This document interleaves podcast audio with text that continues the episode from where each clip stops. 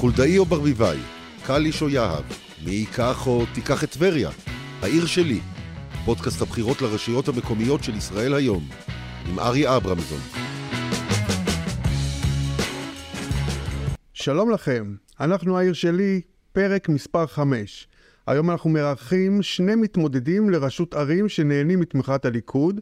האחד הוא מועמד מפתיע לראשות עיריית ערד, יאיר מעיין, ששימש כמנכ"ל הרשות לפיתוח וההתיישבות הבדואים בנגב, והשני הוא מועמד מפתיע אפילו יותר, והאורח המרכזי שלנו היום, חבר הכנסת לשעבר אורן חזן, שרוצה לשבת על כיסא ראש העיר באריאל. מדובר רק בדוגמה קטנה לניסיון של הליכוד לחזק את מעמדו בשלטון המקומי מחד, ולהתמודד מול הסחף של המועמדים מתנגדי הרפורמה המשפטית שרוצים להכניס רגל ואולי אפילו יותר מזה במועצות העיר. נשאל אותם מאין הרצון הזה להכניס את הראש לבריכת המים הקפואים הזאת שנקראת ניהול עיר ואיך הם מתכוונים להתמודד כל אחד בעירו עם הבעיות הצפויות שלהם. במקביל נביא גם דוגמה הפוכה ונדבר עם דנה אורן ינאי, חברת מועצה בהרצליה ופעילה במחאה נגד הרפורמה המשפטית שמתמודדת מטעם רשימת חוזה חדש. שלום לך אורן.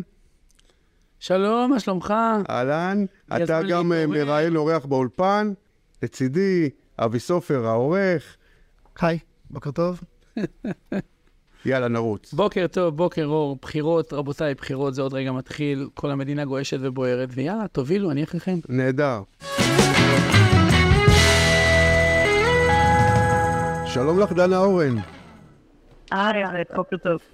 אז יש מי שמבקשים לטשטש את הנושא המוניציפלי ולשים במרכז סדר היום את הבחירות, של הבחירות המקומיות, נושא שעל פניו לא קשור בכלל למחאה נגד הרפורמה המשפטית. חברת מועצת עיריית הרצליה, דנה אורן, את איתנו על הקו. את מתמודדת לקדנציה נוספת במועצה מטעם רשימה בשם חוזה חדש, שזו ממש האג'נדה שלה, להכניס את המחאה לתוך הפוליטיקה המקומית. נכון, האמת היא שזה לא להכניס את המחאה לתוך הפוליטיקה המקומית, אלא לקחת את, ה, את הערכים שהובילו אותנו לקום בינואר, להבין שמשהו שהוא קורה במדינה קורה גם ברשויות המקומיות, וההתעוררות שלנו בינואר והתפיסת עולם שאנחנו חייבים להיות מעורבים, היא זאת שמובילה אותנו להתמודד כקבוצה שהובילה את המחאה בהרצליה, ועדיין מובילה להתמודד למועצת העיר, כי אנחנו מבינים שבסוף האחריות עלינו, אה, על גורל העיר ועל עתידם של התושבים. כן, אבל למה בעצם, מה זה משנה לתושב העיר, ההקשר הפוליטי הארצי? זה, זה, זה לא ההקשר של הפוליטיקה, זה ההקשר של הערכים. כי בסוף אנחנו, אה, אה, דווקא השלטון המקומי, הקשר הישיר שלו בין הנבחר לתושב הוא הרבה יותר הדוק, הוא הרבה יותר ישיר, הוא הרבה יותר מהיר. וכמו שאנחנו רוצים לדאוג למדינה ליברלית, דמוקרטית, שוויונית, אותו דבר אנחנו צריכים לדאוג בעיר. על כל פעולה שאנחנו עושים בקבלת החלטות שלנו בין עיר לעיר, ברמה הלמעלה של המדיניות, הרי יש לנו את הצד של התפעול ויש לנו את הצד של המדיניות. דנה, דנה, דנה, סליחה, אני חייב לעצור אותך בנקודה הזאת. זה בעצם, את סוג של רוכבת על גל, יש מישהו שיגידו. בהרצליה זה לא חדש, יש סנטימנט גדול נגד הממשלה, והעומד בראשה. ואת לוקחת לזה בעצם טרמפ, את יודעת שזו עיר שיש בה אה, אה, תמיכה גדולה בדבר, בדבר הזה, ואת אה, מנצלת את הדבר הזה, זה לא דבר רע, זה פוליטיקה, ופוליטיקה זה, עושים את זה, ופוליטיקה זה בסדר.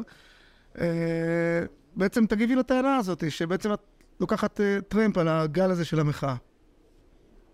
אה, אה, האמת היא שזה קצת מגוחך, כי אני לא יכולה לרכוב על גל שאני את הגל. למעשה, אנחנו האנשים שקמנו והבנו כבר בינואר. לא חיכינו לאיזשהו טרנד, לא חיכינו לאיזשהו שינוי, אלא אנחנו קמנו, הובלנו, אנחנו חיים ברחובות, אנחנו עצרנו את החיים שלנו, את המשפחה שלנו, את העבודה שלנו, בגלל שהבנו שאם לא אנחנו, לא יקרה כלום. ולכן אי אפשר לומר שאנחנו יושבים על הגיא. אנחנו אנשים, אני באופן אישי מתעסקת בכל הנושאים האלה לא בשנה האחרונה, אלא בשנים האחרונות. בסדר, אבל... אבל... אה, רגע, לא, לא, חשוב לציין. כי אה, אפשר לבוא ולהגיד, אוקיי, קורה כאן משהו במדינה. אבל הדבר הזה לא קורה. הדבר הזה קרה כתוצאה מאנשים שלקחו אחריות. רגע, אורן רוצה לשאול אותך שאלה. אני... אני רגע רוצה להתערב. קודם כל, דנה, מה שלומך? אני הולך לעשות לך נזק אדיר ולגלות שאני אוהב אותך אהבה גדולה, שיש לנו היכרות מוקדמת. אני אגלה לך אפילו שכאב לי לראות שקיבלת מכה מהשוטר, ובינינו הגיע לך. אני רוצה להסביר לך משהו. אני לא, אני לא מאלה שחושבים שאת רוכבת על המחאה. אני כן חושב שמי שרוצה לקחת חלק במוניציפלי, לא צריך לקחת חלק בענייני הרפורמה, כי כנציגה מוניציפלית, את צריכה לדאוג שיפנו את ההשפעה גם לאנשי ימין וגם לאנשי שמאל. שלחינוך של הילדים שלהם יהיה חיבוק, גם מימין, גם ומשמאל. שאירועי התרבות, החברה, החיים, הפנאי, הספורט, ישרתו את כל התושבים ללא גוון, גזע, דת, מין ונטייה פוליטית. ולכן אני אומר, אני חושב דווקא משהו אחר. שחררי אותך מרפורמות. אם את חושבת שהמהות בחוזה החדש שלך מול האזרחים צריכה לבוא לידי ביטוי בעניין של הרפורמה, תתמודדי לכנסת. ובינינו, אני יודע שזה גם קורץ לך. לא, האמת שלא.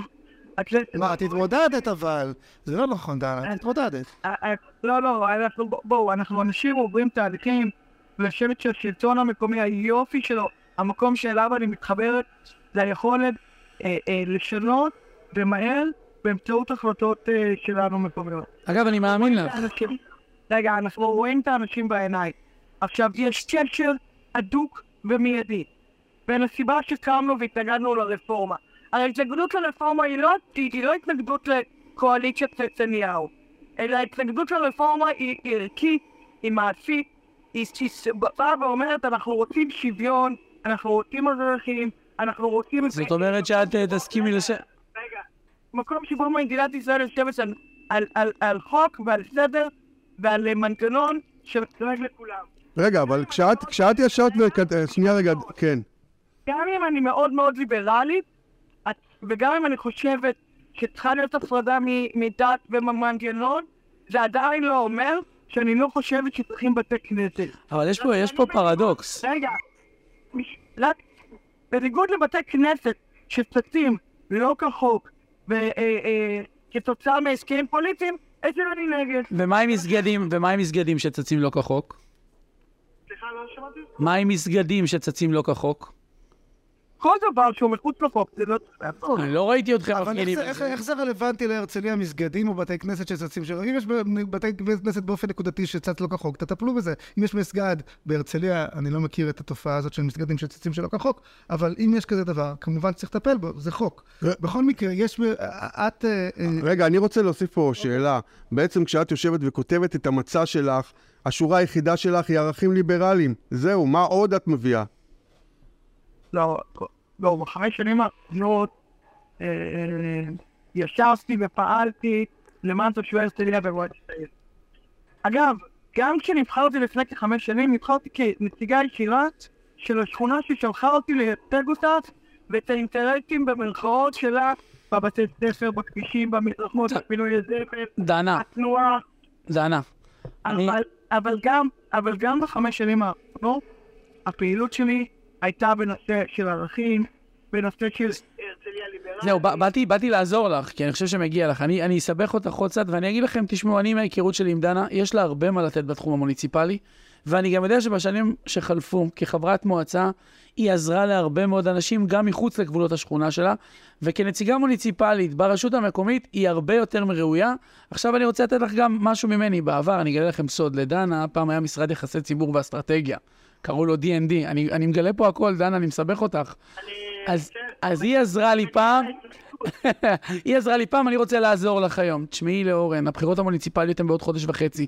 שחררי אותך מכל השיח על הרפורמה, על המחאה, על הממשלה. למרות שבין השורות שמעתי שאין לך בעיה גם לשבת עם נתניהו, עכשיו הוויכוח הוא רק בג"ץ. יש בו דיון, בוא נראה איך ייגמר. אני אומר דבר אחר. תיקחי את היכולות שלך, ואת זה אני גם אומר לאנשים ששומעים אותנו. כשאתם באים להצביע, תבחנו את האנשים לפי סל הכלים שיש להם לתת לכם כן. ברשות המקומית שבה הם אבל יש גם משרתים. בסל הכלים הזה, אורן, איזה משהו ערכי גדול יותר, ולא רק, גם ש- גם כשמתעסקים עם חינוך מקומי, גם כשמתעסקים עם, אה, עם, אה, עם, אה, עם בריאות מקומית, בסופו של דבר יש את העניין של אג'נדה ליברלית, אג'נדה, אה, אה, אה, נקרא לזה יותר שמרנית. אני מסכים איתך, אז, אז, אז, אז כן יש מקום אבל... לבחון את העולם. אבל אני מסכים איתך. ובעיר כמו, בעיר כמו הרצליה למשל, שזה עיר שבה זה חשוב, יש מקום, אבל, אבל יש לי כאן את השאלה היותר גדולה, שמה כבר הדעות שלך מיוצ- מיוצגות ממילא על ידי ראש עיר כמו משה פדלון, שכבר התבטא בעצמו נגד, המחא, נגד, נגד הרפורמה המשפטית. אז מה את בעצם מוסיפה? בעצם, אני שואל. משה פדלון ואת, הערכים שלכם פחות או יותר, סט הערכים שלכם דומה. אז, אז מה את בעצם מציעה? שהוא לא. אני אתחיל בשורה התחתונה ואני אחזור לשורה הראשונה. דבר ראשון, משה פדלון לא מייצג היום את הערכים שלי. לא בקואליציה שהוא בנה, לא בהחלטות שהוא בונה, לא בחוסר עמוד השדרה שלו כלפי אירועים שקורים בעיר, גם בנושא של פוליטיקה חרדית דתית, גם בנושא של עבריינות שקמה בעיר וזוקפת ראש ושל מודעים. אז כרגע, פדלון לא מייצג את הערכים שלי. אני חוזרת לשורה הראשונה. נראה לי שיש חוסר הבנה או הסכמה בינינו על מה קורה היום במדינת ישראל. הרפורמות זה לא אירוע פוליטי. המחאה זה לא מה- אה, אה, מהלך. יש פה בעיניי, ובעיניי הרבה מאוד חברים ותושבים במדינת ישראל ותושבים הרצליה, אירוע מכונן שמשפיע על עתיד החברה הישראלית, על עתיד מדינת ישראל ועל עתידם של תושבי הרצליה. כמו- כמו ההתנד- כמו ההתנתקות. אבל רגע, זה כמו ההתנתקות. בדיוק אותו דבר. כן, הדבר היחידי שמשותף לרפורמה ולהתנתקות זה שאת שניהם עשה הליכוד, אתה יודע. גם על זה יש מחלוקת. איזה מחלוקת יש אני? אסביר לך, אני אסביר עוד רגע. שנתניהו הצביע? אני, אני, זה לא? אני אסביר עוד רגע, יש לזה הסבר פשוט. תראה, הייתה לי את הזכות להיות uh, לא רק במליאה בזמן ההצבעה, הייתי בן של מי שהקים את מה שקוראים לו בתקשורת עד היום, המורדים שהם בפועל נאמני הליכוד, ששמרו על הדרך, על הערכים והתנגדו לתוכנית. ההבדל הגדול הוא בתפיסה הפוליטית. שאני אסביר לך. אני אסביר לך, אה, אני אסביר לך, אין בינינו ויכוח. מירי רגב דבררה את זה. אין בינינו נתניהו ויכוח. הצביע שלוש פעמים בעד. אין ביני לבינך, אין ביני לבינך ויכוח, ולכן אני אומר, אם, היית מקשיב לי עד הסוף, בסבלנות ונחת, היית מבין. ההבדל היחיד בסיפור הוא באופי שבו הפוליטיקאים מנגנים על עצבי, מבחינת משם, מלשון העצבים, של הציבור, ופורטים להם על מיתרי הרגש. זה מה שקרה אז, וזה מה שקורה היום. כולנו כלים במשחק. אני, בעוונותיי, אחרי תקופת ההתנתקות, אחרי שהובלתי מאבקים סטודנטיאליים, והבנתי איך מתייחסים לכולנו, אחרי כל התהליכים הקשים האלה, לקחתי פסק זמן, כי הבנתי שכולנו כלים במשחק. גם מה שקורה היום, זה שימוש לרעה ברגשי הציבור וניצול ציני של המציאות. אין רפורמה, הרפורמה כבר מתה מזמן. ואתם מתעסקים פה בשטויות, וכל היום מה הולכים... הדברים של בג"ץ? כל היום, הניסיון, של בג"ץ, הניסיון של בג"ץ לגנוב לעצמו סמכויות לא לא, הוא ההפך הגמור, על זה צריכים להפגין הליברלים. על זה צריכה דנה וחבריה לצאת להפגין. על העובדה שאתה הלכת להצביע, והוא הלך להצביע, והיא הצביעה, ואני הצבעתי, והקול של כולנו הולך לפח, ו-15 איש הם אלה שיקבעו את עתיד המדינה. זה לא היה ככה. מדינת ישראל הוקמה על עקרון הפרדת רשויות. העיקרון הזה נרמס. מזמן. צריך אורן, להחזיר אני רגע רוצה לקחת, אני רוצה לקחת את השיחה הזאת. יותר גדול. כן. אנחנו בורחים מנושא השיחה. נושא השיחה הוא ציבורי מוניציפלי. בסוף כשמגיע אדם להצביע, אני אומר לך, שאם אנשי ליכוד היו יודעים מי זו דנה אורן, הם היו רוצים להצביע לה שהיא תהיה חברת מועצה. כי אני יודע שיש להם יכולת לדאוג לעתידה. את שמה לב, הגף בצד הנקודה. אני גם- יכול לתקוף אותה, אין לי בעיה גם לתקוף אותה, רק שתגיד. אגב, אורן, אני אספר לך שאתמול היה לי חוג בית בשעות הבוקר עם חבורה של ליכודניקים שורשיים בעיר הרצליה שבאו ואמרו לי, את שמאלנית, את נגד הרפורמה, אבל אנחנו יודעים שאת בולדוזר. שאלו עליי? ואנחנו יודעים שאת יכולה להזיז דברים, ואנחנו איתך. טוב, אני, אני, אין לנו, דנה, אין, אין לנו הרבה זמן, אני חייב uh, להבין דבר אחד אחרון. Uh, אתם עדיין מסרבים לומר במי תתמכו לראשות העירייה, למה בעצם? יריב פישר. הופה. יש לך... אה, לא, אוקיי, לא זה כותרת. חדש זה, לא? אתמול לא אמרת לי. בשיחת הכנה. אנחנו אומרים את זה בכל מקום. מה? בשיחת הכנה. ממש ליברלי אחד בהרצליה וזה. אני אוהב- אני אוהב את פדלון מאוד, גילוי נאות. אה, אני אוהב את הילדים שלי, אני לא אוהב פוליטיקאים. לא, בסדר, נו, עכשיו אתה הולך להיות כמו הילדים שלי, אני לא, אני מאוהב בילדים שלי, זה הרבה מעבר. שאלה אחרונה, איך את מרגישה? בכל זאת, דנה? בכל זאת קיבלת. מכה מאוד כואבת. שאלתי איך את מרגישה, בכל זאת, אה, בביקור של שר התקשורת בתחנת רדיו ברמת השרון, ספגת איזה חבטה מרפק אה, של שוטר? היא נשענה על היד של השוטר. מאושפזת, איך את מרגישה היום? אה, אני מרגישה הרבה יותר טוב. אה, הסיפור עוד לא נגמר. אה, אני עוד במעקבים ובדיקות, אבל אני מאוד מקווה שזה יהיה מהר מאוד מאחוריי. דנה, הציבור רוצה מנהיג חזק או מנהיגה חזקה במקרה שלך, תשחררי אותך ממעקבים, תלכי תעשי טוב למען תושבי הרצליה. בפעם הבאה. לקבל מכות רק בתוך השטח המוניציפלי של הרצליה, בבקשה. טוב, תודה רבה, דנה. דרישת שלום לזאב. תודה רבה. להתראות. אוקיי, אז אנחנו כאן באולפן עם אורן חזן, בן 41, כיהן ארבע שנים כחבר כנסת, בכנסת ה-20, מטעם הליכוד, לקח חלק בתוכניות ריאליטי בטלוויזיה, ובעברו ניהל קזינו בבורגס בבולגריה, הודיע שהוא מתמודד לראשות העיר אריאל, לאחרונה קיבל גם את תמיכת הליכוד במועמדותו. אהלן, שוב. טוב, כמה תיקונים, בסדר? זה חשוב. הייתי קצת יותר מארבע שנים בכנסת, העברתי למעלה מ-25 חוקים, הייתי חבר בכל הוועדות החשובות ביותר. תיקון שני, לא העברתי על הדרך בריאליטי גליץ' קטן, השתתפתי בתוכנית שבעיניי משקפת מציאות היום ומדברת לדור הזה שפחות, פחות, פחות רואה חדשות וטלוויזיה, אתה רוצה לדבר איתם זה בביטים, בתוכניות ריאליטי, אז הייתי באח הגדול ואף זכיתי. לא ניהלתי קזינו, ניהלתי בית מלון שהיה בתוכו גם קזינו, ואף ניצקתי בתביעת דיבה על אלה שניסו להוציא דיבתי רעה, וגם העיתון אבל הזה היה לו הדיבה שלך- קשר לקזינו בעבר, ככה שכל מה לא. שמעבר לא רלוונטי. לא, לא, אתה, אנחנו נתקן את זה, כי אתה בעצם, הדיבה שלך לא הייתה על זה שאתה... לא, אין לי- בעיה, אין לי בעיה עם זה, אני להפך, אני אומר, אני מגדיל את האירוע. כן, שגם שם ניצחתי לא, ונקבע מפורשות. הייתה התביעה, לא על זה שניהלת קזינו. לא, לא, ברור, ברור, אני אומר, אבל אני מגדיל, זה לא רק קזינו, המלון שהיה בתוכו קזינו, אתה יודע, אתה מצמצם לי את הפעילות, אחי, אנחנו מדברים משהו גדול וענק, אל תיקח לי את זה. רצפה, אתה אומר, מפנק. אה, פעם, כשהתחלתי את הדרך. לא, דווקא זה לא היה, כשהתחלתי את הדרך. בכנסת, אז כתבו דווקא בעיתון הארץ, אני לא יודע אם הם באו להגחיך ולצחוק, אבל בסוף הם כתבו דבר מדהים, לוקחים בחור צעיר, תחילת שנות ה-30 לחייו, שיש לו עסק עם מאות עובדים, מלון, קזינו, פעילות, אתם לא צריכים לצחוק עליו, הוא צריך להיות שר האוצר עם הניסיון שלו. אז בסוף בחיים, אנחנו אסופה של כל הכלים שאספנו אבל זה לא בדרך. נאמר כדי להכיר אותך, זה נאמר כדי אני להציג יודע, אותך. אני יודע, אני יודע, הכל בסדר, לא בוויכוח. טוב, אתה יכול רק לנסות. בואו נתיישר לכיוון אריאל. ראינו בימים האחרונים שגם אצלכם באריאל הבחירות נהיו קצת יצריות, עם תת שלים. בעצם, על מה יש כל כך הרבה לריב? רק תזכיר את האירוע. בת 60, תקפה פעיל מהמפלגה שלך ברחובות לעיני שוטרים. קצת מוזר, אירוע קצת מוזר את האמת. תראה את הוידאו, תגלה, הוא מוזר גם בעיניי עד היום. הסתכלתי עליו.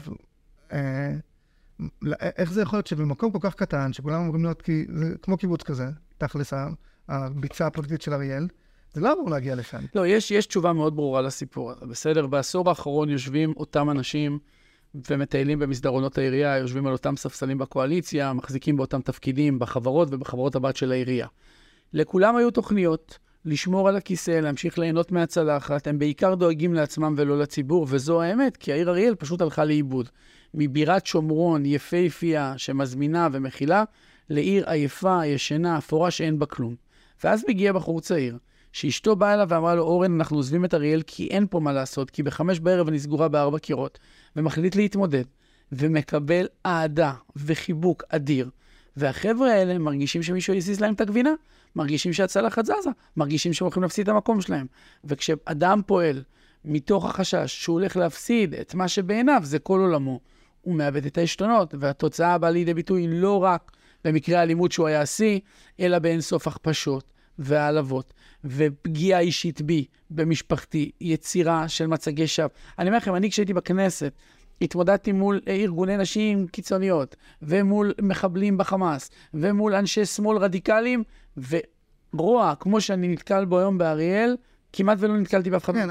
אז ברוך הבא למוניציפלי, ששם באמת נכנסים, באמת, אני אומר לך את זה באמיתי, זה הביצה, זה החצר האחורית, אנשים רואים אותך זורק את הזבל, הם- והם יודעים מה יש לך בפחים, והם והם נכנסים למקום הזה, כי זה באמת, כי בתוך המוניציפלי זה יותר קט- קטן, יותר מקומי, זה העבודה של האנשים, זה הפרנסות שלהם, זה המכרזים שהם מקבלים, זה הרבה יותר אה, יצרי ואישי מאשר הנושא הפוליטי הארצי. אני מסכים איתך, ואני מודה שלא ידעתי שזה ככה.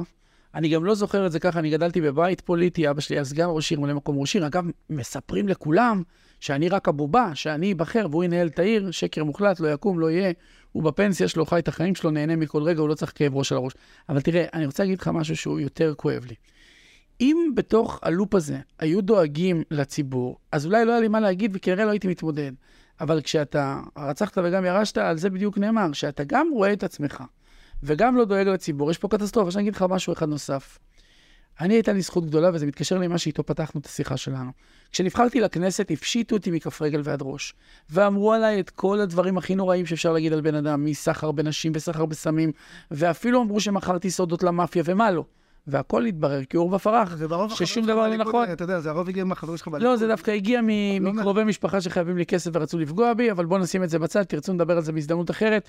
אני לא אעשה לאחרים את מה שעשו לי, אני כן אגדיל ואומר שבסוף, בסוף, בסוף, רואים אותי זורק את הזבל ואין לי בעיה. לפעמים אני יוצא עם בוקסר וגופייה, זה אני, זה מי שאני, ואני מדבר, וגם כשאני מרים את הקול לפעמים בבית, בין אם זה כשאני רואה משחק ומתלהב, או בין אם זה בוויכוח קולני עם חברים, כי גם זה קורה, אני אגלה לך סוד, צובטים אותי, אני מצטבט.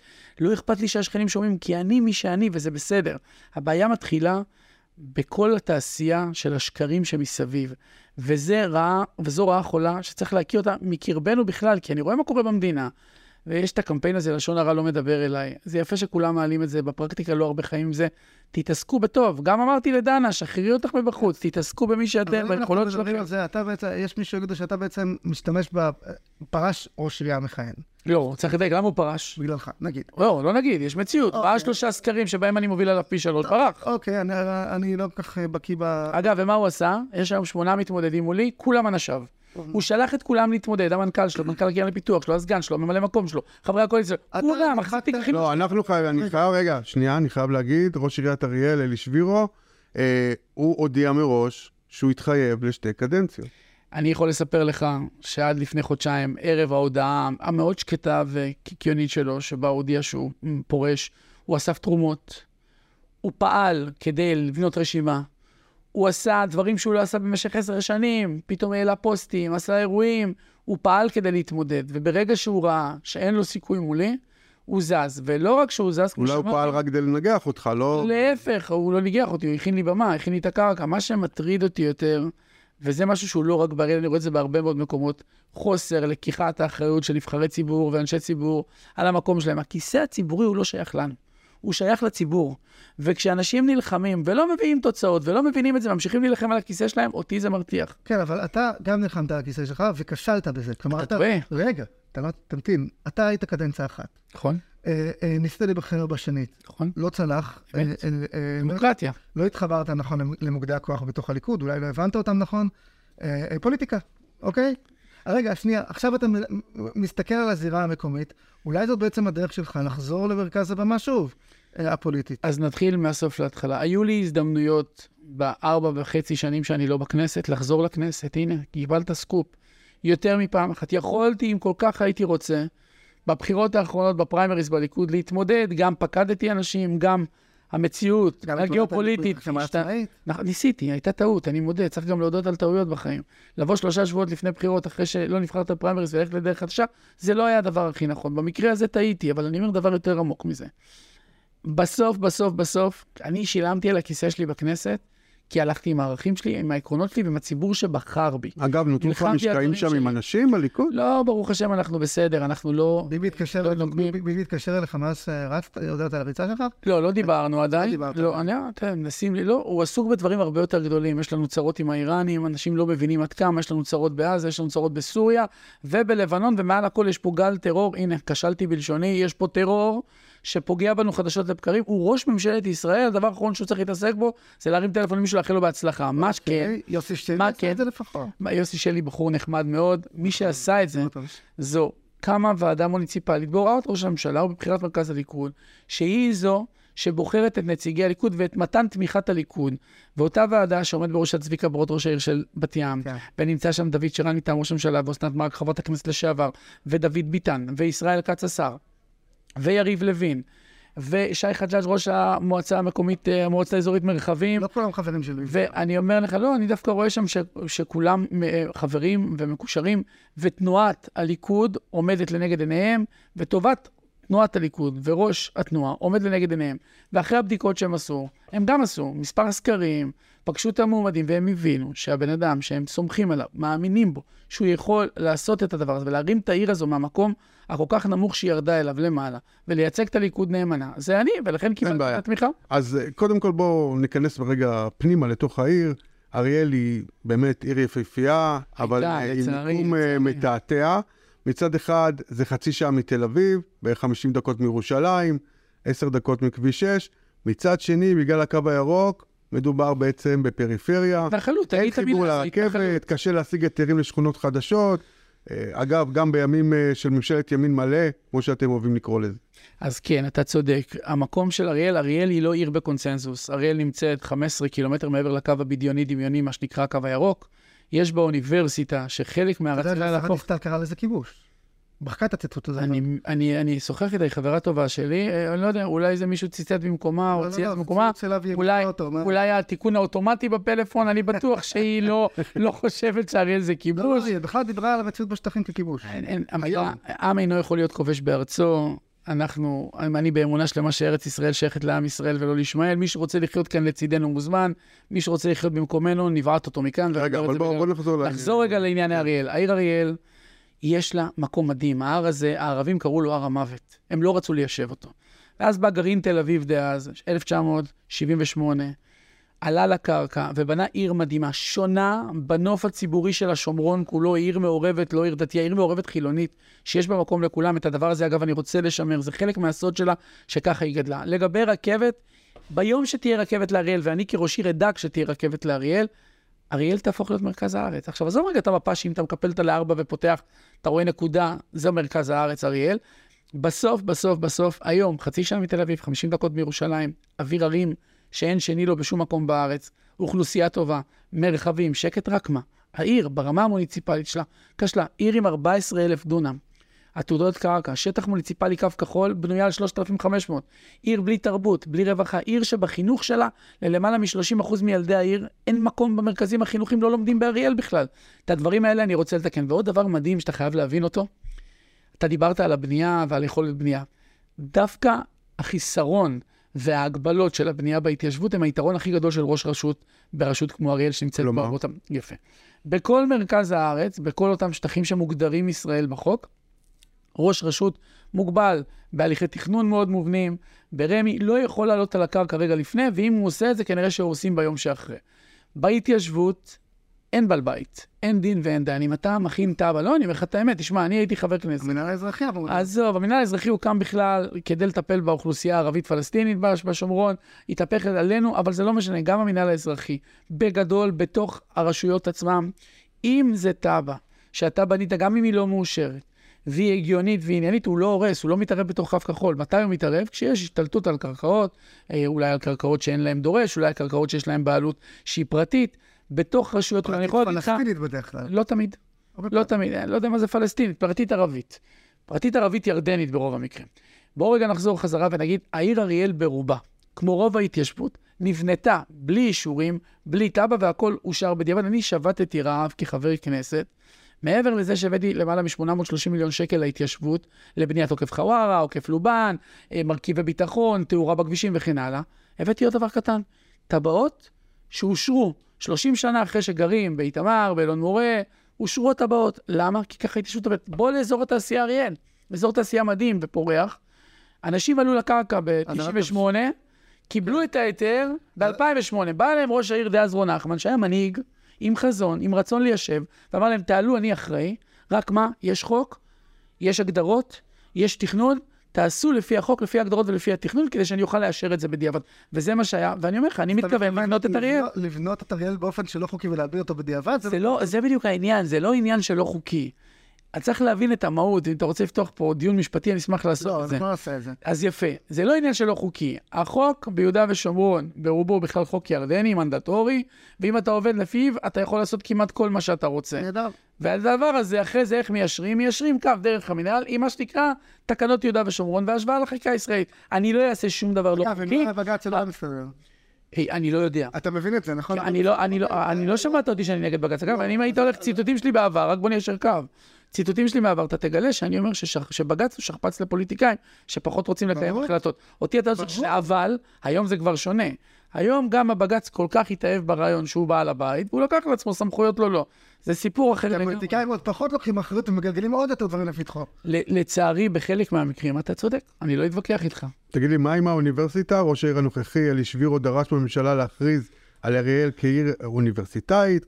אה, בנוסף. גם דרש להכריז על המרכז הרפואי באוניברסיטת אריאל כבית חולים אוניברסיטאי, אז אתה מנית ראש. אוי ואבוי, אוי ואבוי, אוי ואבוי. ביום שאריאל תהפוך להיות עיר אוניברסיטאית, הם רוצים להפוך אותה לעיר אוניברסיטאית במודל האמריקאי. מה המודל האמריקאי אומר? המודל האמריקאי אומר שראש האוניברסיטה הוא ראש הרשות. זה כמו בברקלי בארצות הברית, בקליפורניה או במקומות אחרים. אריאל יכולה להיות, ככה היא נבנתה, ככה הייתה בחשיבה וככה היא תהיה תחתיי, עיר שבליבה אוניברסיטה. עיר שהאוניברסיטה עובדת בסינרגיה מלאה עם הרשות. באר שבע. כמו באר שבע, תודה רבה. כמו באר שבע ורשויות אחרות. חלילה וחס להפוך אותה לעיר אוניברסיטאית. אני יודע שהוגשה בקשה להחלטת ממשלה להפוך אותה לעיר אוניברסיטאית. אני מתנגד לדבר הזה. אני חושב שהוא יקבור את ההתיישבות באריאל וייקח את הדבר הזה שנקרא עיר אריאל בירת השומרון ויהפוך אותה לתחנת מעבר לסטודנטים ועובדי אוניברסיטה. אני מתנגד לדבר הזה, ואני שמח שהתושבים באריאל מבינים את זה וגם הם מתנגדים לדבר הזה, ואני קורא לאוניברסיטה ליישר קו עם הרשות שנתנה לה כר פוריה להתקיים ולגדול כמו שהיא היום, ולא ללכת נגד הדבר הזה. אגב, אני אגלה לכם סקופ קטן, בסדר? זו הייתה מכללה. החלטת ממשלה להפוך את מכללת אריאל לאוניברסיטה הגיעה בזכות אדם אחד שהוזכר כבר בשיחה, לא חשוב שמות, אני הבן שלו, קורא לו אבא. יחיאל חזן היה חבר כנסת תקופת ההתנתקות. אריק שרון קורא לו להצביע. הצבעת אמון בממשלה. אז אי אמון היה כזה שאם נופל אי אמון, נופלת ממשלה. היום הוא דקלרטיבי בלבד. בא אליו אריק שרון, אומר לו, יחיאל, "אה, אני צריך אותך, כן. אומר לו, איך אני אלך איתך? אני, אני מחזיק את שדולת יש"ע, אני איש ההתיישבות, אני מאריאל, אני נגד, נכון שדאגת לי, נכון שאנחנו ביחד, הייתי מנכ"ל משרד שלך, הייתי אצלך לאורך כל הדרך, אביבה אשתי עבדה איתך, אבל איך אני יכול להצביע נגד? אבא מספר שהוא בא לצאת מהחדר, חוזר אחורה, אומר, אתה יודע מה, אני מוכן פעם אחת לקחת עליי את הדבר הזה, אני רוצה החלטת ממשלה להפוך את אריאל לאוניברסיטה. אגב, הדברים פורסמו, אני לא מספר אותם בפעם הראשונה. הוא אומר לו, אין בעיה, אבל רק אחרי שאתה מצביע. עד אז אתה לא מדבר. אם אתה מדבר על זה, אין הסכם. באמת אבא הצביע, כל המדינה הייתה עליו, הוא קיבל אירוע לב בגלל האירוע הזה. שאמרו שהוא נוכל וגנב, ולקח לעצמו סמכויות, והבטיחו לו רכב שרד, והתרגיל המסריח מסריח וכן הלאה. וימים לאחר מכן, חושב שזה היה ביום חמישי העוקב לאותה הצבעה, שוב רכב שרד הוא לא מוציא- קיבל. לא קיבל כלום, הוא קיבל דבר אחד. הוא. קיבל אוניברסיטה באריאל, בירת השומרון, וזו זכות שיש לנו, וזה מה שהוא גמר אז, וזה גם מה שאני אומר היום. אגב, העמדה שלך. מתואמת עם ראשי האוניברסיטה? ב- לגבי מה? לגבי העניין הזה שאתה לא רוצה אותה כעיר. אנחנו, אני אגלה לך, אנחנו, אני ומנכ"ל האוניברסיטה, אה, חברים טובים, יורם שי עושה עבודה טובה. אני אגב וועד ראשי, ועד העובדים של האוניברסיטה.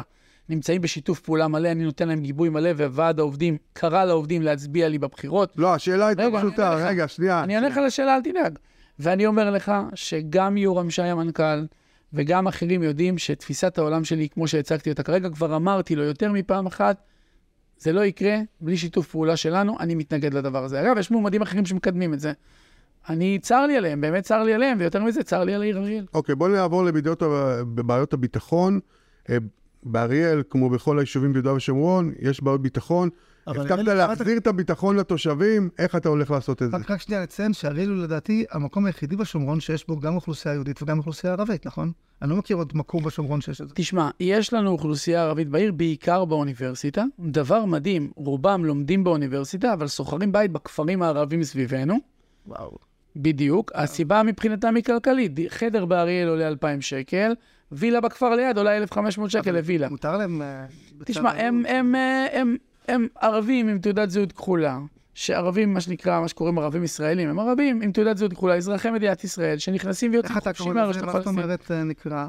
אז ערבי, אזרח ישראלי. אוקיי. הוא לא ישראלי, ישראל זה אנחנו, יעקב. אתה יודע מה היה יעקב אבינו?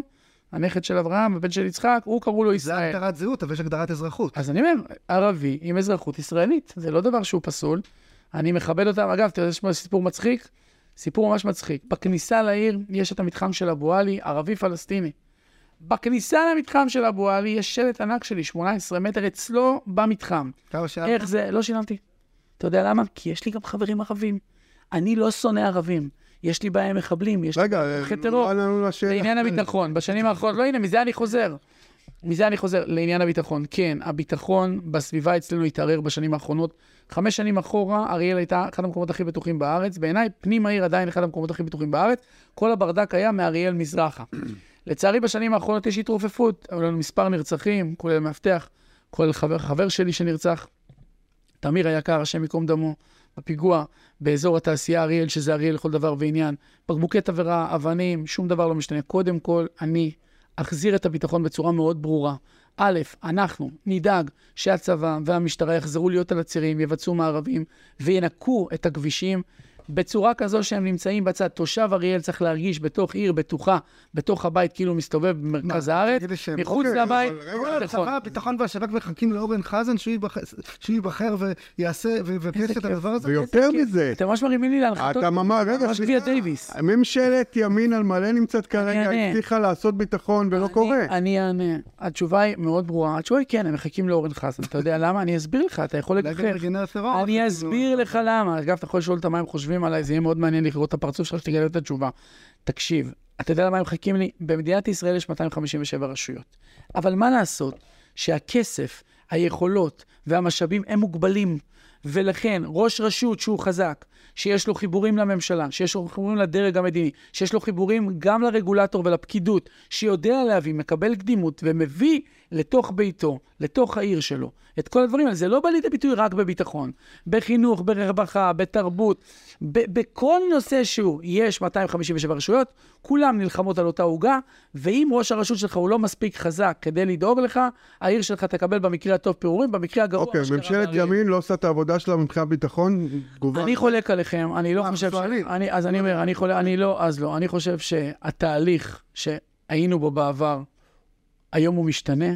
הממשלה בונה מערכים ביטחוניים, ואתה גם מרגיש את זה בשטח, אתה רואה את זה גם בתקציבים, אתה רואה את זה גם בהחלטות. זה תהליך שלוקח זמן. לא הבנתי. נו, אני אסביר לך מאוד פשוט. כשאני רואה, למשל, כשאני מסתכל על הכבישים ביהודה ושומרון, מה שקוראים כבישים עוקפים, אני קורא להם כבישים מצילי חיים. כשאני רואה את ההתגברות של הצבא, כשאני רואה את ההתגברות של הפעילות המסיבית של כוחות הביטחון, המעצרים, פעילות המנע, כמות הפיגועים שנמנעים חדש לבקרים, כן, אבל אולי מרגיש- קצת מאוחר מדי. תשמע, כשבן גביר, אה, אנחנו לפני הבחירות, אמר, אנחנו נעשה ביטחון, זה היה נשמע קל מאוד, כאילו זה זה לא קורה קל. ככה. לא, לא, שאף אחד לא יעבוד על אף אחד, זה לא קל וזה לא תהליך, וכן, לנצח נחיה על החרב, כי האויב שמולנו, הוא שונא אותנו שנאת דמים היסטורית שלא תיגמר מחר בבוקר. כשאויב מקבל מאיתנו כסף, ואת הכסף הזה הוא משקיע בטרור, אתה לא, יש פה מעגל אימים שאתה חייב לעצור אותו. אני רק אומר שביחס למה שקרה בשנים עברו, הגיבוי שמקבלים השוטרים, הגיבוי שמקבלים החיילים, אתה רואה את זה בפעילויות בשטח, וברוך השם, ברוך השם, ברוך השם. הסטטיסטיקה זה לא ניכר. אתה מגנה את ההתקפות על אלוף אה, פיקוד המרכז אה, יהודה פוקס? תראה, מה זה התקפות? מותר, אה, יהודה פוקס, אני מעריך אותו, לפני מספר ימים שלחתי לו הודעה המפקד, הזמנתי אותו לילה מימונה, אני מעריך אותו מאוד, אני חושב שהוא עובר תקופה מאוד מורכבת, התמודדות עם כמה זירות במקביל, בתוך הגזרה שלו, בתוך הפיקוד, אבל הוא לא חף מביקורת. אם תושבים מרגישים שהם צריכים לבקר, כן, מה לא? לא לקלל, לא לגעת באלימות, לא לרדת לפסים אישיים, תבקרו גם את המפקד לגופו של עניין ולא לגופו של אדם. אנשים בפוליטיקה, אני לא מדבר איתך על, על, על כל ההשמצות הפרועות בגרפיטיז. אני מדבר איתך על פוליטיקאי ומה שהם אומרים על אלוף מכהן בצה"ל. זה לא ביקורת באופן שנאמרת בצורה, נקרא לזה לגיטימית. אבל עכשיו, עכשיו אתה, אתה עכשיו, והיה לי מאוד כיף, אבל עכשיו אתה קצת מתייפייף, כי אתם לא יכולים להתעלם מכל מה שקורה מסביב, מהדחיפה של הפוליטיקה לתוך הצבא, מההתערבות של אנשי קבע, אנשי מילואים, בצבא, בדרגים בכירים כלפי חוץ, מהאמירות אפילו של הרמטכ"ל הרצי הלוי, שאני אוהב אותו אהבה גדולה, כל ההתערבבות הזאת שרק הולכת ומחריפה. כשאתה משחרר את הסכר, המים פורצים וזורמים. ואתה לא יכול לבוא לפוליטיקאי בקצה. בסוף, מה זה פוליטיקאי? פוליטיקאי הוא נבחר ציבור שנבחר לשמש פה וגרון להרבה מאוד אנשים. Okay. והוא יודע להגיב. כשהוא רואה תהליכים שהם בניגוד גמור למה שהמדינה אמורה להיות ולהתנהל, הוא יודע להגיב להם. אז לחלקם אני מסכים, ועם חלקם אני לא, אבל הבעיה היא נמצאת בכל המערכות, מימין, משמאל, מהצבא, מבתי המשפט, מהפוליטיקה, מהתקשורת. יש פה סבוטז שלם. טוב. אי אפשר לקחת משהו צדק ולהגיד רק הוא היינו בסדר. יכולים לדבר שלנו טיפה קצר. שאלה אחרונה, תשמע, קרוב לוודאי שקשה לעשות בחירות באריאל, אבל אי אפשר להגיד על אף אחד שהוא שמאלני, אתה יודע. אה, תתפלא. איך אתה מתגבר על הקושי הזה? קודם כל, תתפלא, יש, תתפלא, יש בעיר אריאל אה, קרוב ל-20% של אנשים שהצביעו ליש עתיד וגנץ, יש לך עוד מאות שהצביעו לליברמן, שלא יושב בממשלת ימין, שכבר שנים משלב פעולה עם, עם הצד השמאלי. יש לך פה הכל מהכל באריאל, ולכן אני גם אומר, גם כשאני רואה את זה, אני חייב להודות שנבהלתי. כי ראיתי שמתחילות הפגנות נגד הממשלה והרפורמה כל מוצאי שבת באריאל. בהתחלה עמד בן אדם אחד, ואז שלושה, והיום עומדים כבר 40-50. אז אמרתי, יש כל כך הרבה אנשים שכאילו יוצאים נגד ממשלה שאמורה לשמור להם על הבית, זה קצת מזוכיזם, שאתה בתוך אריאל. לגיטימי הדעות, אני לא הולך מתריס, אני שומע את הצעקות שלהם ליד הבית שלי, וזה בסדר. אם היה להם חם, הייתי הולך להגיש להם עוגות. אגב, איימו שבהרמת כוסית שאני מקיים ביום חמישי הקרוב עם צמרת המדינה אצלי בבית, יגיעו להפגין, מוזמנים להפגין, נחכה לכם שם עם תפוח בדבש. אני רק אומר דבר פשוט, כשהלכתי... כשהלכתי, היא מכירה, היית תקבל את ההזמנה בוואטסאפ. כשהלכתי, כש- כשככה הסתכלתי ומישהו הלך לבדוק, וגיליתי שהם שניים, שלושה אנשים מאריאל וכל השאר מבחוץ שבאים לגבות, אתה מקבל את. התשובה. בסוף אנשים מבינים איפה הם חיים, ויש לנו מאבק קשה במשפט אחד, כדי להחזיר את אריאל למקום שלה, למנוע את הפקקים, כי פוגעים בנו עם המחסומים, ומתייחסים אלינו כאזרחים סוג ג', אני לא רוצה להגיד את האות שזה נראה אם הופכים את האות הזאת. אני אומר לך שאנחנו צריכים לעבוד פה מול הממשלה, ואני מתכוון לעשות את זה, ולא בכדי, מנשיא המדינה שביקר אצלי בבית באמונה, ועד אחרון חברי הכנסת והשרים שנמצאים איתי בקשר רציף, את כל האנשים האלה ואת כל היכולת הזאת, כל הניסיון שלי ואת כל הקשרים האלה, אני רותם לדבר אחד, להפוך את אריאל לאחת הערים הטובות בארץ. אורן חזן, תודה רבה לך.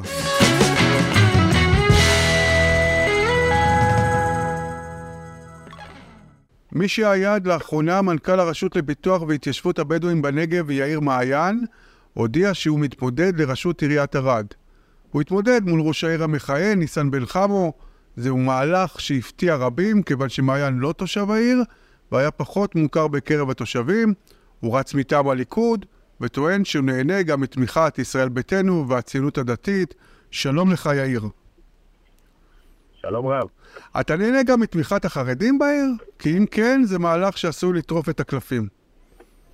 אני קודם כל אתקן, אה, ישראל ביתנו אה, לא תומכים בי, הם אה, חתמו על הסכם עם ראש העיר שהם תומכים בו בבחירות. אוקיי. כרגע הליכוד תומך בי, והציונות הדתית ככל הנראה... מה זה, כ... מה זה כרגע? למה אתה מסתייג? הציונות הדתית עוד לא פרסמו רשמית שהם תומכים לא. לגבי הליכוד, הליכוד בוודאי תומך בי. אוקיי. אני רץ מטעם הליכוד, אני בחוברות, בניירות, אני- אנחנו רצים אה, ברשימה של מחל. אוקיי, אז אחרי שתיקנו את הטעות הזאת, מה קורה עם החרדים? אה, החרדים אה, עדיין הם לא הודיעו במי הם תומכים, אבל אני מאמין וגם מקווה שהם יעשו את הבחירה הנכונה ויבחרו במועמד, שידאג לקחת את העיר ערד למקום הרבה יותר טוב ממה שנמצאת בו היום. אוקיי, ובלעדיהם, מה גורם לך לחשוב שיש לך סיכוי להיבחר?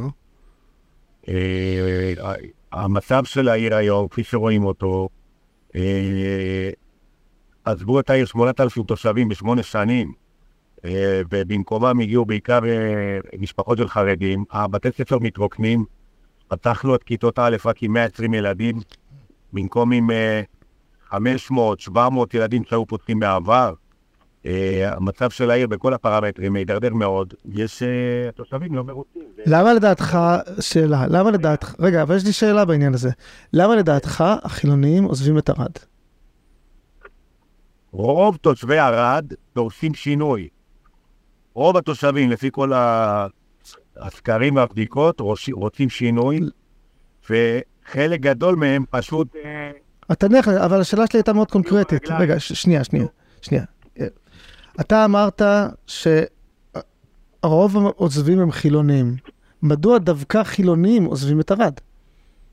כי הם רואים את המצב בעיר, איך העיר הידרדרה לעומת מה שהייתה, ולחרדים זה לא מפריע?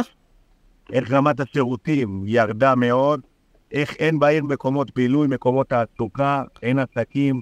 ולחרדים זה לא מפריע? רק, זה מפריע רק לחילונים לדעתך? זה ודאי מפריע לכולם. יש קצת אה, רעשים על הקו שלך? בוודאי שזה מפריע לכולם, אבל uh, הקהילה החרדית מתנהלת uh, בצורה אחרת, יש לה את המוסדות חינוך שלה, יש להם אירועי תרבות שלה, לא צורכים את אתרי הבילויים שצורכים הצעירים. הצעירים, כל הצעירים, כלומר, החרדים מרוצים והחילונים לא. זה המצב של עכשיו לפי דעתך. החרדים גם לא מרוצים, כי העירייה במשך שנים לא מאפשרת להם להקים את מוסדות החינוך שלהם. פתחו השנה את כיתה א' עם אוהלים, ילדים לומדים באוהלים במקום בכיתות. זה. אירוע מביש, חמור מאוד. החרדים, תושבי העיר, מגיע להם לקבל בדיוק כמו שמקבל ילד חילוני. טוב, אני רוצה רק להסביר למאזינים שלנו שהיום בערד יש כ-30% חרדים. מבחינה פוליטית כרגע הם נמצאים באופוזיציה. די סגרו להם את הברז. תושבים טוענים אבל מנגד, שאם הם חוזרים לקואליציה זו בעצם מכירת חיסול של העיר. אתה לא חושש שהמאבקים שהיו בעבר יחזרו? אז אני אתקן אותך. אה, עם בחירתו של אה, ניצן לתפקיד ב-2015 היו בעיר 4,000 חרדים, היום יש 12,000 חרדים, זה פי שלוש בשמונה שנים, כבר מעל 40 אחוז מתושבי העיר הם חרדים, ורוב מבני החינוך וגני הילדים בעיר אה, נסתרו להם בכל השנים האחרונות. נכון שהם היו באופוזיציה, אבל קיבלו כל מה שהם דרשו. ו- ופשוט התוצאה של ההחלטה. אבל אתה אומר דבר והיפוכו, יאיר. אתה אומר שמצד אחד אתה רוצה לצרף אותם אליך, מצד שני אתה אומר שהם קיבלו כל מה שהם רוצים ו- ו- ומספרם רק עולה ועולה. אז אני מתקשה להחליט באיזה צד אתה. האם אתה אני בצד... לא אמרתי שאני רוצה לצרף אותם אליי, אני אמרתי שאני מאוד מקווה שהם יבחרו בי, כי גם הם רוצים בחינם, בלי שום... בסבבה שלהם. ואני כראש עיר בוודאי אדאג שכל ילדי העיר, גם החילונים וגם הדתיים וגם החרדים, יהיה להם כיתות לימוד בגני ילדים. אתה הבנת, אריה, מה הוא אומר? לא, ללמוד בדירות באופן פיראטי, הם צריכים לקבל מבנה חינוכי. יאיר, אתה, אתה יכול רגע להתייחס לסתירה הזאת שאבי מעלה אותה? בעצם מצד אחד, אתה צריך את החרדים לצדך כדי להיבחר, ומצד שני, גם אתה מבין שיש בעיה בעצם, אה, אה, הסכמים קואליציוניים כאלה. לא דיברתי על שום הסכם, הדבר הכי שאמרתי שאני אדאג להם לכיתות לימוד. אני חושב שזה דבר בסיסי. טוב, זה ברור שזה דבר בסיסי, זה, זה לא צריך בשביל זה אה, אה, יום לימודים ארוך. אבל מה שאני מתקשה להבין זה איך אתה רוצה שהם יתמכו בך אם אתה לא תעשה איתם כאלה הסכמים. לך, אתה רוצה שהם יתמכו בך, כי בלי זה אתה לא תוכל להיות ראש עיר. מצד שני, אתה, יש לזה מחיר פוליטי. האם אתה מוכן לשלם את המחיר הפוליטי שכרוך בתמיכה של החרדים? זה מאוד פשוט, במשך שמונה שנים. נלחמו בהם, הפרו את צעדיהם, מנעו מהם דברים בסיסיים שמחויבים על פי חוק. ילדים ילמדו בגני ילדים. כתוצאה מזה, הקפיאו גם את כל הבנייה בעיר כדי שלא יבואו חרדים. והתוצאה התקבלה בדיוק הפוך, 8,000 חילונים עזבו את העיר בשמונה שנים, טוב. ובמקומם הגיעו 8,000 חרדים. לא נצא עם תשובה כנראה, אריה, בוא נמשיך. טוב, אה, בוא, בוא נמשיך רגע. שינית את הכתובת שלך לערד, אבל מרכז החיים שלך לא היה שם עד עכשיו. אני עברתי לגור בערד בחודש, במהלך חודש יולי, אני קיבלתי החלטה לרוץ לרשות העיר, ולכן עברתי לגור בערד. למה חשוב לך לפתח את ערד, לעמוד בראשה, להנהיג אותה? העיר ערד אה, יושבת בנגב המזרחי, עיר מוקפת סביבה כ-80 אלף בדואים, זו העיר במצב מאוד מאוד חלש, מצב כלכלי מאוד חלש, גם של העירייה, גם של התושבים, ההכנסות של התושבים בערד נמוכים ב-30% מהממוצע הארצי. אה, תושבים עניים, הכלכלה של העיר, עסקים, עסקים מאוד, אין כל כך בעיר, ולכן אה, את הכלכלה חייבים לשווק. חמש אלפים דירות במחיר למשתכן, להחזיר לפה את כל הזוגות הצעירים של ערד שעזבו אותה. אתה רוצה להכניס עוד אוכלוסייה אה, חלשה לעיר כנראה, זה, זה מה שאתה אומר. זו טענה, טענה שגויה. הזוגות הצעירים של מדינת ישראל הם לא, הם לא אוכלוסייה חלשה. זוג צעיר במדינת ישראל, בשנים האחרונות קונים דירות במחיר למשתכן. זה מה שהמדינה אפשרה להם כדי לקבל דירות מוזלות. לא אנשים, זה לא אוכלוסיות חלשות. זוג צעיר וזוג בתחילת דרכו, כן, אין לאף אחד, אה, רגע, אין לגבול הבא במיליונר שקונה להם דירה. ברור. תשמע, אני רוצה רגע לדבר על עובדות. אה, בעצם ישנן ארבעה שכונות חדשות שמתוכננות או בבנייה. העירייה כבר לא בגירעון, אלא עם עודף אה, תקציבי. התיירות בצמיחה, יש עשרות צימרים בעיר ואטרקציות חדשות. בעצם, מה שאתה אומר, שהעיר הזאת... לא נכון, כל מה שאמרת לא נכון, חוץ מזה אתה יכול להמשיך את השאלה. כל מה שאמרת עובדתית לא נכון ובדיוק הפוך. העירייה לא לא בגירעון, היא אלה במצב... דברים בדוקים, אתה יודע. אני לא אומר דברים סתם. טעות בנתונים. העירייה, הכנסות העירייה בארנונה הצטמצמו בשנים האחרונות ממסחר כתוצאה מסגירה של עשרות מפעלים וחנויות ועסקים. יש ירידה חדה בהכנסות של ארנונה ממסחר ועסקים שהיא הארנונה היקרה יותר בעיר. לגבי השכונות, יש ארבע שכונות שרק התחילו את הפיתוח של עבודות המפר שלהם. העיר ערד היא מקום ראשון בארץ בזמן שלוקח להוציא היתר בנייה, בין שלוש לארבע שנים. ככה לא הופכים עיר לעיר בתמיכה. ככה מקפיאים פיתוח של עיר. ולגבי התיירות, מה שאמרת זה הכי לא נכון. ערד לא נמצאת אפילו בטבלה של הלשכה לסטטיסטיקה בכמות הלינות בעיר. אוקיי. ומה הסיבה? יש בערד רק בית מלון אחד עובד נכון להיום, ויש סך הכל 30 אתרים של צימרים, וזה לא מצדיק בכלל להיכנס לאתר של הלמ"ס כעיר תיירותית. אז נכון שעכשיו מקימים, אה, עומדים לפתוח עוד מעט בית מלון נוסף, אבל עדיין שלושה מלונות סגורים בעיר, אכסניית הנוער סגורה בעיר כבר כמה שנים, וכמות התיירים בעיר נכון להיום היא כמה עשרות בלילה. אז לא רואים אותם, לא בבתי הקפה ולא במסעדות. אתמול בלילה עשינו כנס בחירות, ראשון פתיחת בתי הבחירות.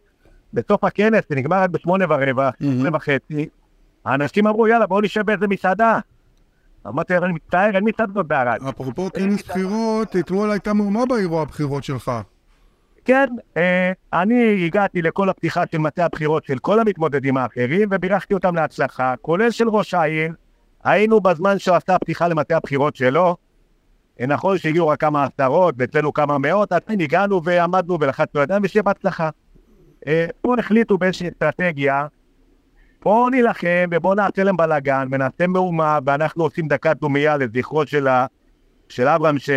שנהרג, מת בשרפה הנוראית כן. הזאת שבוע שעבר כן. בעיר, חזרנו מהלוויה שלו לפני הכנס, עשינו דקת דומייה, והחבורה של האנרכיסטים הזאת, היא עומדת וממשיכה לתפור ולצרוק, כאילו אה, אין כבוד למת, חבל, חבל מאוד. האנרכיה התבטאה ב... האנרכיה במה התבטאה האנרכיה? לא הבנתי. מה היה הביטוי של האנרכיה? מה האנרכיה? איפה האנרכיה נכנסה פה? אה, כשאנשים אה, מקיימים כנס בחירות, דמוקרטי. אם אנשים, מי שרוצה למחות שימחה, אוקיי, אז איפה האנרכיה? נגד הממשלה, איפה האנרכיה? יאיר מעיין, איפה האנרכיה? ההתנהלות, מה הם עשו? שלהם אתמול הייתה התנהלות של אנרכיסטים, מה הם עשו? מה הם עשו? מכבדים את הדקת דומיה. מה הם עשו שהוא אנרכיה? מלבד זה שהם שרקו במשרוקיות וקראו קריאות, מה הם עשו? מקום פרטי, סליחה, קניון, קניון זה מקום עסקים פרטי. של יזם פרטי, שמגיעים לשם אנשים לקניות, ואתה לא יכול לבוא עכשיו ולהתחיל... אתה לא יכול, אתה לא יכול, אל תבוא, תודה רבה. בכל מקרה, שאלה נוספת לגבי הכשלים שלך בתור אה, מ- מנכ"ל מנהלת הבדואים, אוקיי? אתה התפטרת משם, אה, שאחרי שבתקופה שלך בעצם לא הצלחת אה, לא להסדיר התיישבות. למה, לא- אתה אומר, קובע כאלה דברים לא נכונים? ובשם מי אתה אומר דבר כזה? אחרי 70 שנה של המדינה לא עשתה שום דבר, 70 שנה. מה שעשיתי בשבע שנים לא עשו ב-70 שנה. תכננו 170 אלף יחידות דיור, פיתחנו 70 אלף יחידות דיור, שיווקנו לתושבים מעל 10,000 יחידות דיור, מעל 1,000 הסכמי הסדרה, 1,300 הסכמי הסדרה, ופיתחנו מעל 50 שכונות חדשות. אי אפשר לקחת בן אדם, בוא תשב עכשיו במגרש, קודם כל צריך לתכנן ולפתח אותו, וזה מה שעשינו בשבע שנים בעיה, אבל גם אם תכננת יחידות דיור, שטחי מסחר, אפילו כיתות לימוד, הרי הבעיה העיקרית של הבעלות על השטחים בהם יושבים הבדואים לא נפתרה. זה הבעיה העקרונית. אנחנו לא, לא עסקנו בכלל בבעלות על השטחים, אנחנו פיתחנו אדמות מדינה, פיתחנו אדמות מדינה כדי שלא תהיה בעיה, וגם פיתחנו אדמות, אז בוא נדבר שנייה באמת על אדמות, אז בוא נדבר שנייה באמת על אותן אדמות מדינה, למשל היישוב ביר הדאג', יישוב שהמדינה הכירה בו לדעתי לפני למעלה מ-20 שנה, אם אני לא טועה. יותר, אתה- יותר, אני כן, כן. מנכ"ל משרד התשתיות בשנת 2002, התחלנו בתכנון היישוב, כן, אז, אפילו איך, כבר- איך- אז למה הגדרת אותו בשנת 2017 בתור גניבה? בתור מה? גניבה. אתה אמרת שתושבי ביר הדאג' גנבו את הד- את אדמות אדמות מדינה. לא אמרתי, לא ב-2017. גם את זה בריאיון למגזין גרמני? אני לא אמרתי את זה, אני אמרתי משהו אחר. אמרתי שתושבי ביר הדאג', המדינה חתמה איתם הסכם ב-2006, תכננה להם יישוב שיושבו על כ-5,000 דונם, אבל התושבים פלשו לשטח של מעל 20 אלף דונם. נו. השטח הפלוש הזה של 20 אלף דונם, שהוא לא ה-5,000 דונם או 6,000 של היישוב עצמו המאושר, זה אירוע לא חוקי.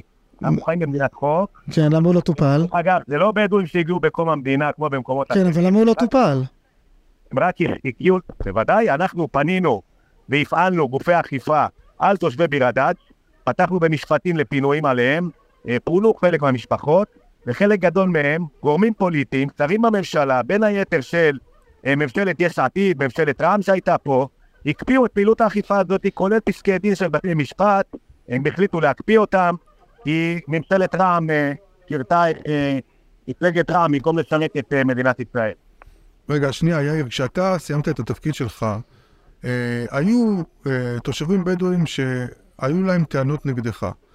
אתה מרגיש בעצם שיש פה איזשהו סוג של כפיות טובה?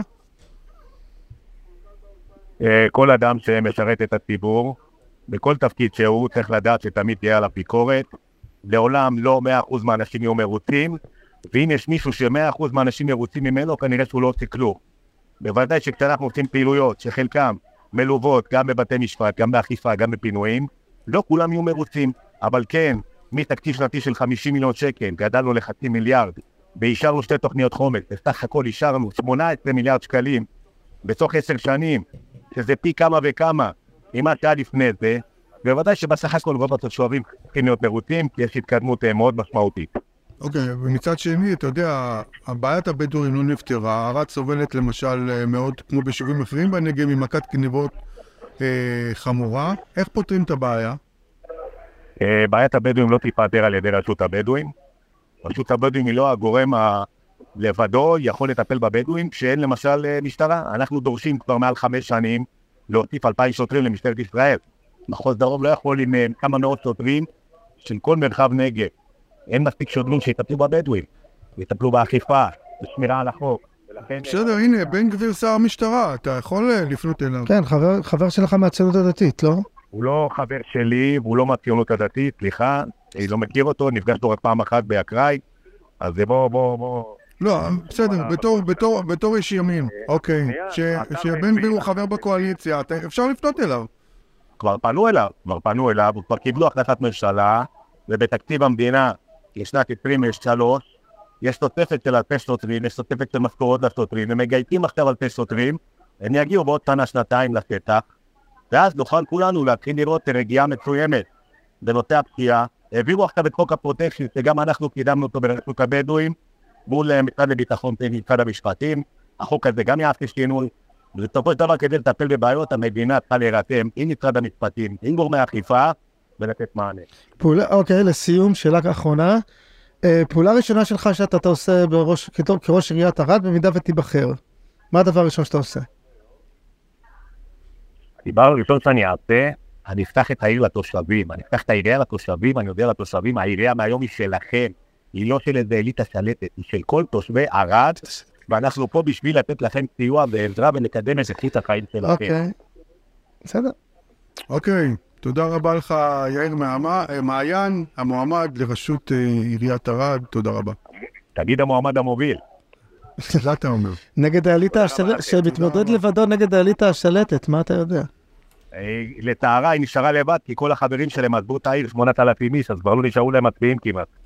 אה, טוב, אוקיי. מזל שיש חרדים. תודה, יאיר. הצביעו ברגליים, הצביעו ברגליים התושבים. תודה רבה. תודה לך. הנה, הגיע לסיומו עוד פרק של העיר שלי. תודה לאבי סופר שערך והגיש איתי את הפודקאסט, לאסף כשר האחראי על הפודקאסטים של ישראל היום, למפיקה נטע פלודרמן, לראש מערכת החדשות אורי דגון, ולעורך הראשי עומר לחמנוביץ'. אני הייתי אריה אברמזון.